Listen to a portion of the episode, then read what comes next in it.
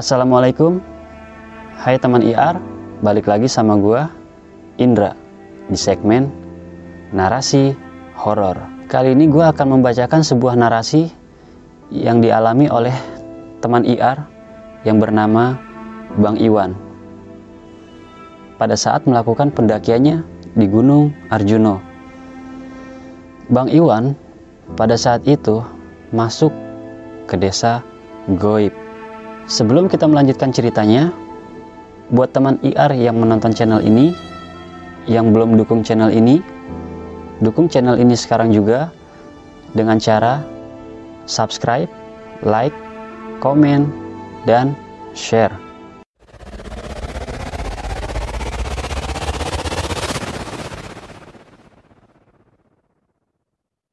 Pendakian ini dilakukan Bang Iwan bersama dua orang temannya, yaitu sebut saja Denny dan Budi.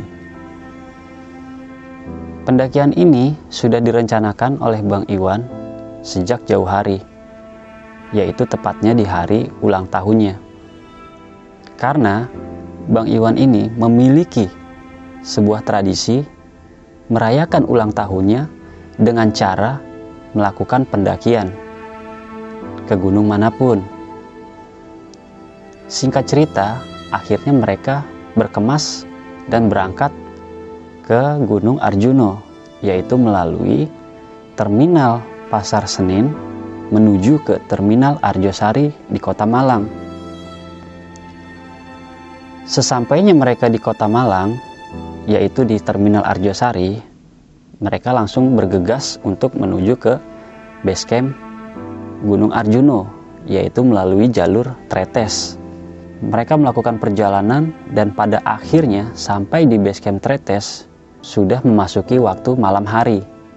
Dan pada saat itu tidak memungkinkan Bang Iwan bersama dua orang temannya ini untuk melakukan pendakian. Akhirnya Bang Iwan pun memutuskan untuk bermalam di basecamp Tretes. Beristirahatlah mereka di basecamp Tretes dan hingga pada akhirnya pada pagi hari Bang Iwan melakukan pendakian bersama dua orang temannya ini. Tepatnya jam 7 pagi. Mereka pun melakukan start pendakian jam 7 pagi dari basecamp Tretes menuju ke pos 1. Kurang lebih sekitar hampir satu jam karena mereka melakukan trekking ini dengan santai. Sesampainya di pos 1, kemudian Bang Iwan bersama dua orang temannya ini melanjutkan perjalanannya dari pos 1 menuju ke pos 2. Sesampainya di pos 2, yaitu pos Kokopan, mereka memutuskan untuk break isoma. Mereka beristirahat di situ.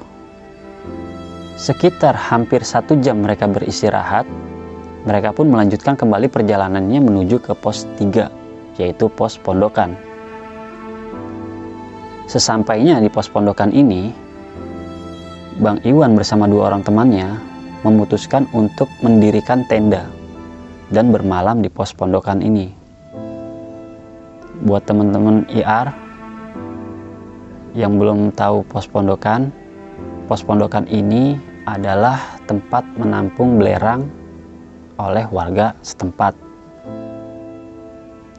Bermalamlah Bang Iwan pada saat itu dengan tujuan bangun pagi dan melakukan summit bersama dua orang temannya.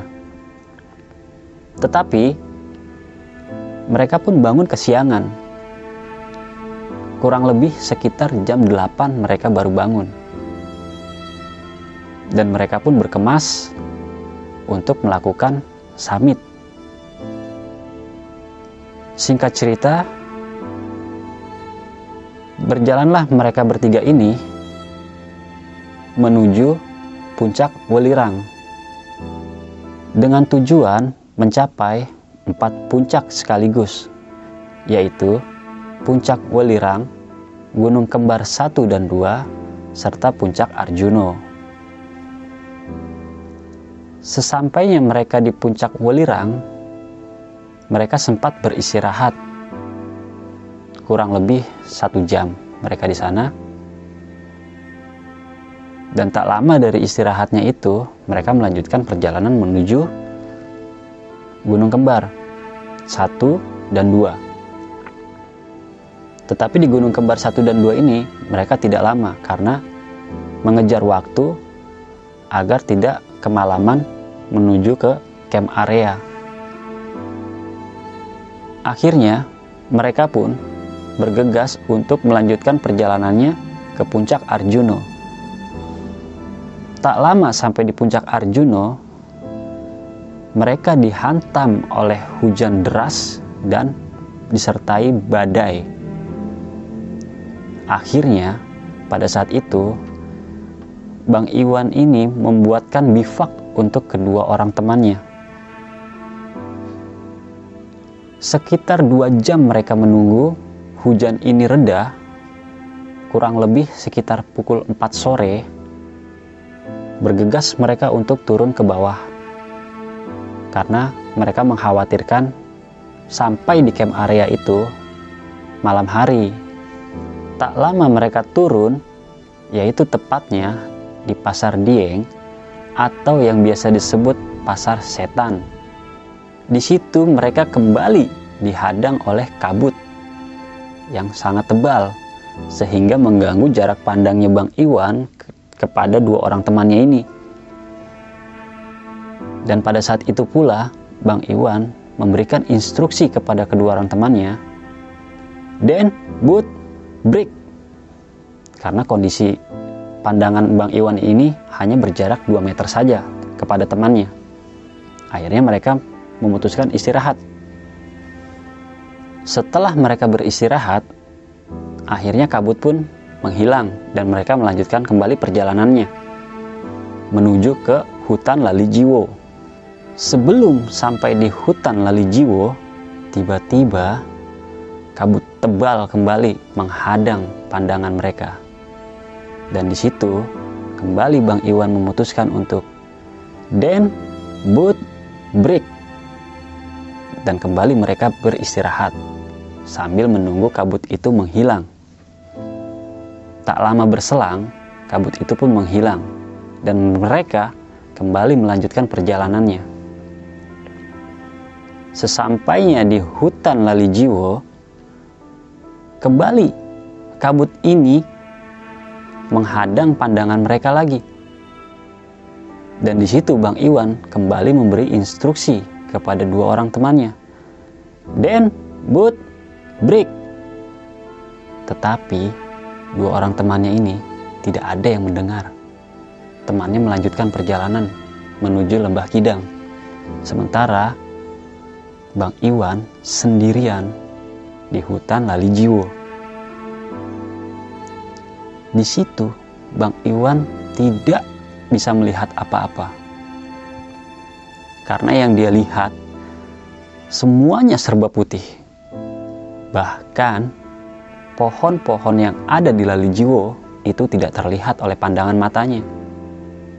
Begitu pandangannya mulai terbuka kembali, Bang Iwan menemukan sebuah jalan setapak.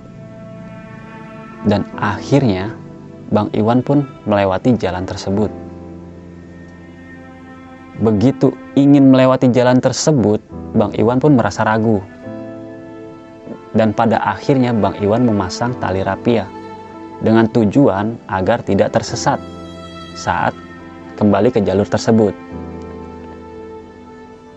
Begitu Bang Iwan melewati jalur tersebut, Bang Iwan menemukan sebuah rumah yang terbuat dari bambu dan di depan rumahnya itu terdapat sebuah lampu lentera. Dan bangunan itu semuanya sama.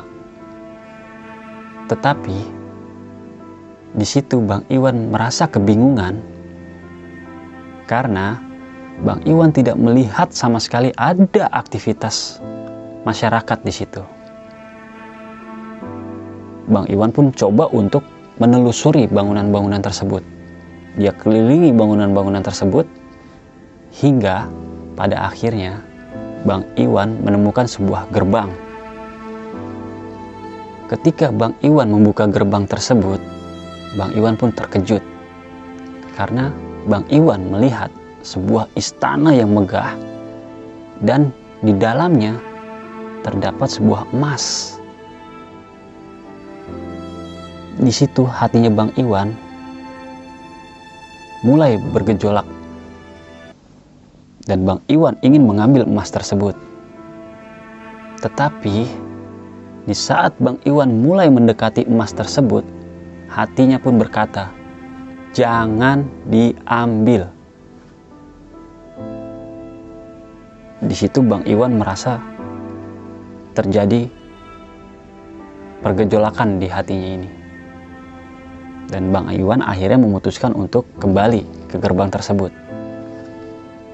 Di saat Bang Iwan kembali ke gerbang tersebut,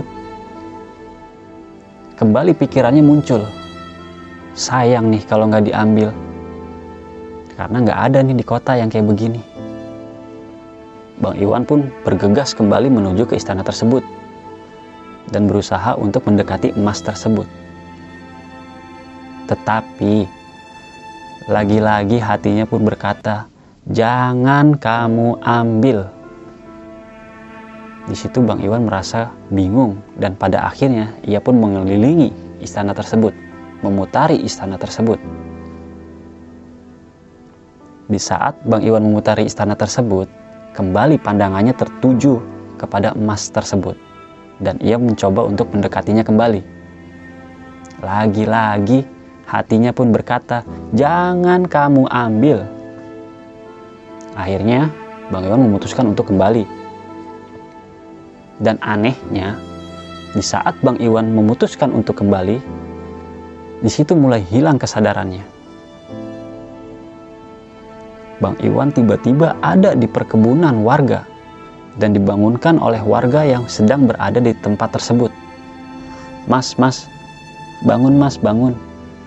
Akhirnya Bang Iwan pun terbangun. Di saat terbangun, Bang Iwan kaget. Karena sebelumnya Bang Iwan tidak melihat ada aktivitas warga di situ. Dan Bang Iwan pun berkata, Bapak siapa? Dan bapak petani ini berkata, "Saya petani di sini, Dek." Dan akhirnya ditolonglah oleh petani tersebut. Dibawalah Bang Iwan ini ke puskesmas terdekat. Sementara petani tersebut melaporkannya ke pihak Basecamp. Karena petani tersebut mendengar informasi dari pihak Basecamp bahwa ada pendaki yang hilang selama tiga hari. Setelah dilaporkannya ke pihak Basecamp, pihak Basecamp pun melaporkannya kepada dua orang temannya tersebut. Dan temannya pun langsung bergegas untuk menjemput Bang Iwan di puskesmas di mana Bang Iwan ini mendapatkan perawatan. Dan ketika Bang Iwan sudah mulai pulih dan diperbolehkan pulang oleh pihak puskesmas tersebut, Bergegaslah Bang Iwan dengan dua orang temannya ini pulang ke rumahnya. Sesampainya di rumah, terjadi pembicaraan antara dua orang temannya ini dengan Bang Iwan. Temannya ini bertanya kepada Bang Iwan, "Lu sebenarnya ke mana sih, Iwan?" Dan Bang Iwan pun menjawab, "Gua ngeliat rumah yang terbuat dari bambu seperti rumah panggung, di depannya ada lampu lentera. Dan tak lama Bang Iwan melihat sebuah istana. Setelah itu hilang kesadarannya. Tetapi temannya pun berkata, "Rumah yang mana, Wan? Lu masih ada kok di tenda sama gua. Bahkan lu gua masakin. Cuma memang pada saat itu muka lu tuh pucat gue pikir lu kecapean makanya lu gue suruh istirahat biar gue yang masakin setelah lu istirahat menjelang pagi lu tuh keluar dari tenda gue pikir lu cuma mau buang air kecil. Tetapi lu gak balik-balik ke tenda. Dan akhirnya gue sempat nyari-nyari lu. Tiga jam lu nggak balik lagi ke tenda. Akhirnya gue pun turun untuk meminta bantuan kepada pihak base camp. Tetapi Bang Iwan tetap menjelaskan kepada kedua orang temannya ini apa yang ia alami pada saat masuk ke desa tersebut. Sampai pada akhirnya temannya pun berkata kepada Iwan, "Lu tahu nggak Wan? Di sini tuh udah tahlilan karena lu hilang, udah nggak ditemuin lagi." Makanya di sini dibikin tahlilan buat ngirimin doa. Bang Iwan pun merasa nggak percaya dengan kejadian apa yang dia alami pada saat itu.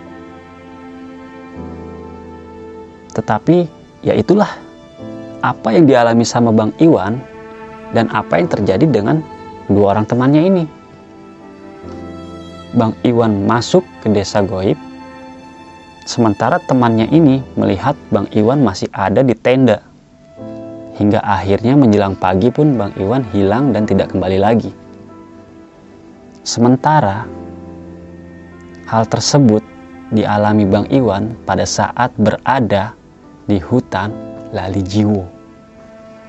Yang memang konon katanya di situ bisa membuat orang itu hilang kesadarannya.